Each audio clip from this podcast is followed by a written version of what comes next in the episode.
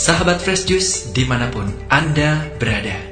Kita berjumpa kembali dalam Fresh Juice hari ini Sabtu 29 Agustus 2020 Bacaan dan renungan akan dibawakan oleh Romo Hadi Setiawan Dari Seminari Tuke, Badung, Bali. Selamat mendengarkan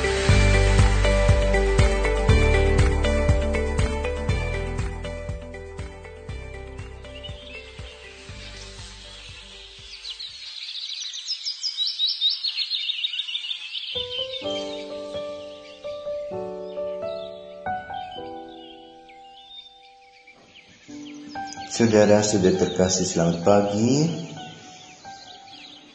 Hari ini kita memperingati wafatnya Santo Yohanes Pembaptis Martir Sabtu 29 Agustus 2020 Marilah kita berdoa. Karena Bapa dan Putra dan Roh Kudus Bapa penuh kasih kami bersyukur kepadamu Karena engkau telah mengutus Santo Yohanes Pembaptis Bagi kehidupan kami yang membuka jalan bagi Yesus mempersiapkan keselamatan kami. Dalam sejarah yang cukup panjang, ia dinantikan oleh Elizabeth dan Zakaria dengan sebuah peristiwa yang menarik dan luar biasa bagi keluarga ini. Semoga semangat Santo Yohanes Pembaptis yang jujur, polos, berani dan bertanggung jawab mengajak kami untuk melihat dan melangkah bersama engkau. Kini dan sepanjang masa. Tuhan bersamamu dan bersama rohmu, inilah Injil Yesus Kristus menurut Markus, dimuliakanlah Tuhan. Sekali peristiwa Herodes menyuruh orang menangkap Yohanes dan membelenggunya di dalam penjara berhubung dengan peristiwa Herodias yakni dengan Herodes, telah memperistri Herodias, istri Filipus saudaranya. Yohanes pernah menegur Herodes, tidak kalah engkau mengambil istri saudaramu. Karena kata-kata itu Herodias menaruh dendam pada Yohanes dan bermaksud membunuh dia, tetapi tidak dapat sebab Herodes segan akan Yohanes, karena ia tahu bahwa Yohanes adalah orang yang benar dan suci. Jadi ia melindunginya. Tetapi setiap kali mendengar Yohanes, hati Herodes selalu terombang-ambing. Namun ia merasa senang juga mendengarkan dia. Akhirnya tiba juga kesempatan yang baik bagi Herodias ketika Herodes pada hari ulang tahunnya mengadakan perjamuan untuk para pembesar, para perwira dan orang terkemuka di Galilea.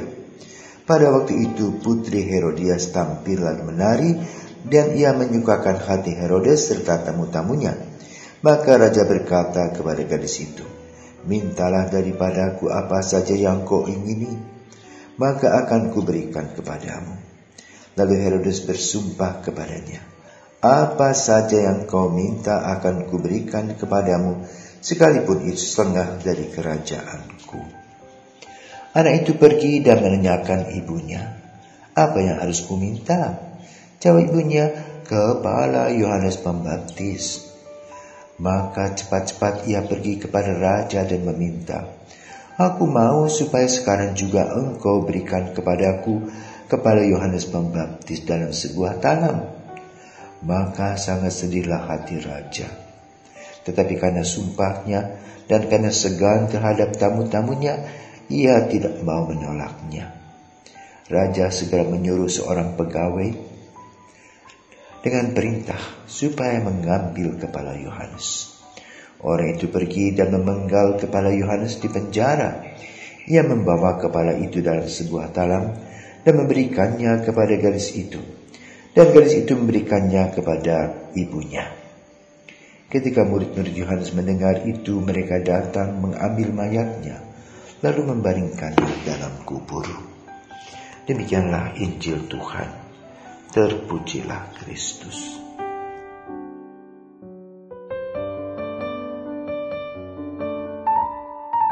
Saudara-saudara terkasih, Injil hari ini mengajak kita untuk merefleksikan diri tentang kasih dan cinta melalui dua tokoh yaitu Yohanes Pembaptis dan Herodes Herodias.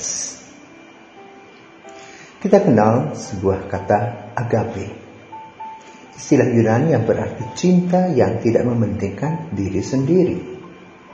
Atau cinta tanpa batas, tanpa syarat. Cinta agape tidak pernah egois. Dalam tradisi Kristen, agape berarti cinta yang bersifat total, kerap identik dengan cinta Tuhan terhadap ciptaannya.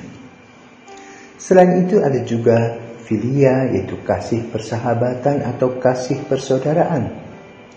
Kasih yang terbatas pada hubungan sahabat dan sifatnya bersyarat yaitu akan mengasihi apabila dikasihi, menghormati apabila dihormati.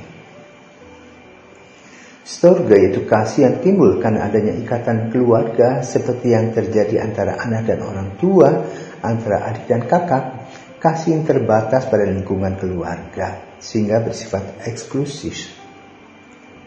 Selain itu juga ada kasih yang disebut eros. Eros adalah kasih yang bersumber pada daya tarik seksual pada jenis kelamin lain. Jadi kasih eros lebih cenderung kepada nafsu jasmani. Puncak dari kasih eros adalah hubungan intim pria dan wanita. Semua jenis cinta ini mengandung risiko. Nah, yang mana yang tampil dalam Yohanes Pembaptis dan Herodes Herodias? Yohanes Pembaptis membawa cinta agape. Ia takut akan Tuhan, maka hidupnya polos, bersahaja, hidup jujur, paham tatanan moral, apa adanya dan senantiasa rindu mencari kebahagiaan, baik untuk dirinya maupun untuk orang lain. Tak segan ia mengingatkan orang yang lupa akan nilai moral seperti Herodes. Tentu dengan segala risiko. Dasarnya adalah cinta kasih yang dilakukan secara serasi agar semua orang bahagia. Ketika Yohanes mendengar peristiwa Herodes Herodias, Yohanes merasa terganggu dengan pelanggaran moral yang terjadi dalam lingkungannya. Ia senantiasa mengabarkan, luruskanlah jalan Tuhan. Kerajaan Allah sudah dekat.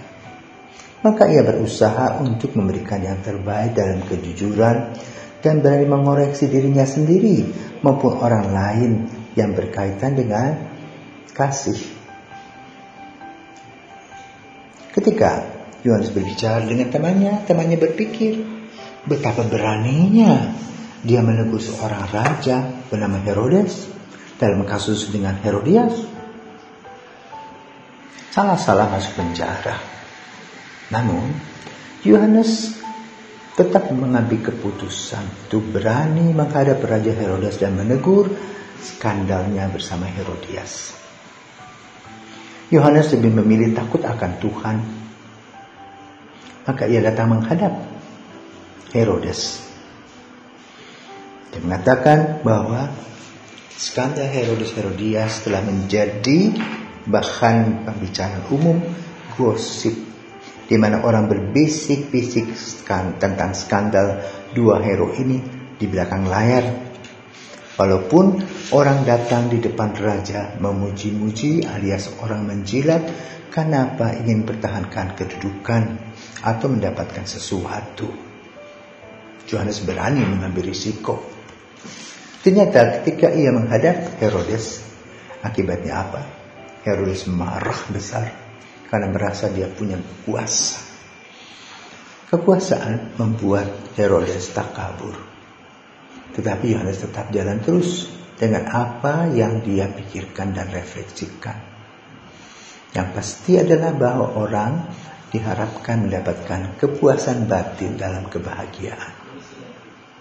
Bagi Yohanes, tidak ada kasih yang lebih besar daripada kasih seorang yang memberikan nyawanya bagi sahabat-sahabatnya.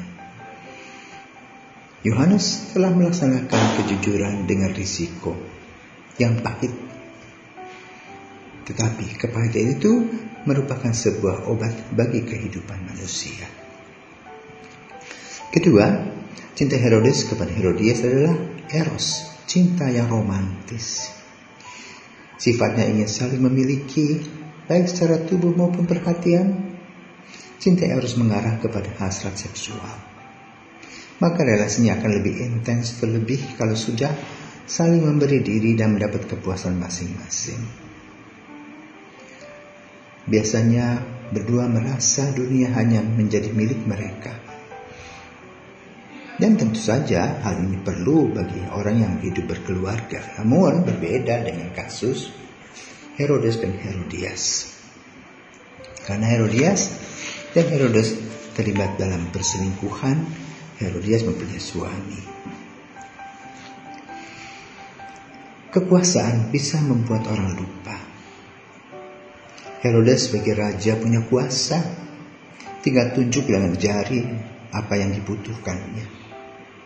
Tentu banyak perempuan yang ingin dekat dengan Herodes karena akan mendapatkan banyak fasilitas dan kesempatan. Uang dan kesenangan bisa didapat. Maka Herodias mencari akal untuk mencari perhatian pada Herodes dan Kenan.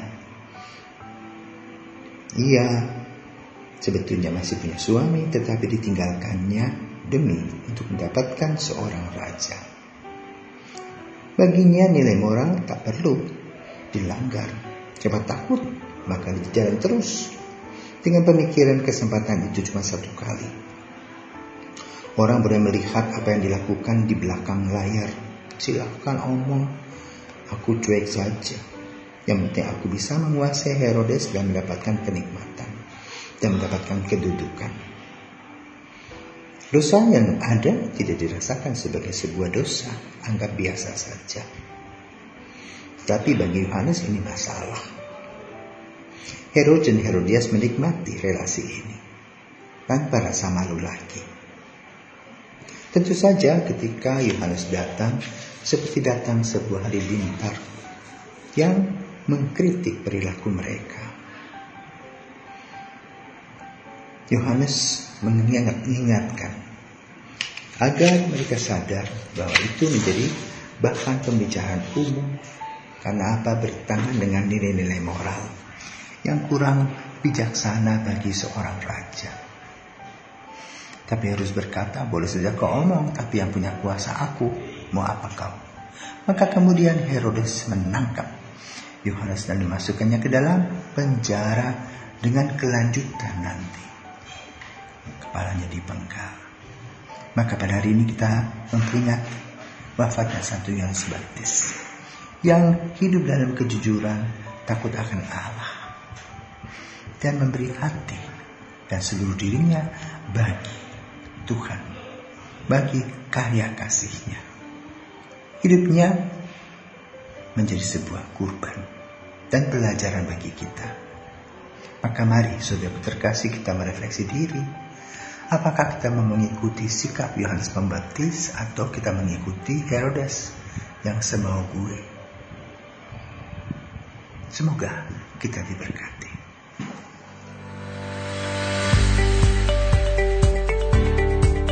Sahabat Fresh Juice, kita baru saja mendengarkan Fresh Juice Sabtu 29 Agustus 2020. Saya Yofi Setiawan beserta segenap tim Fresh Juice mengucapkan terima kasih kepada Romo Hadi Setiawan untuk renungannya pada hari ini. Sampai berjumpa kembali dalam Fresh Juice edisi selanjutnya. Tetap semangat, jaga kesehatan dan salam Fresh Juice.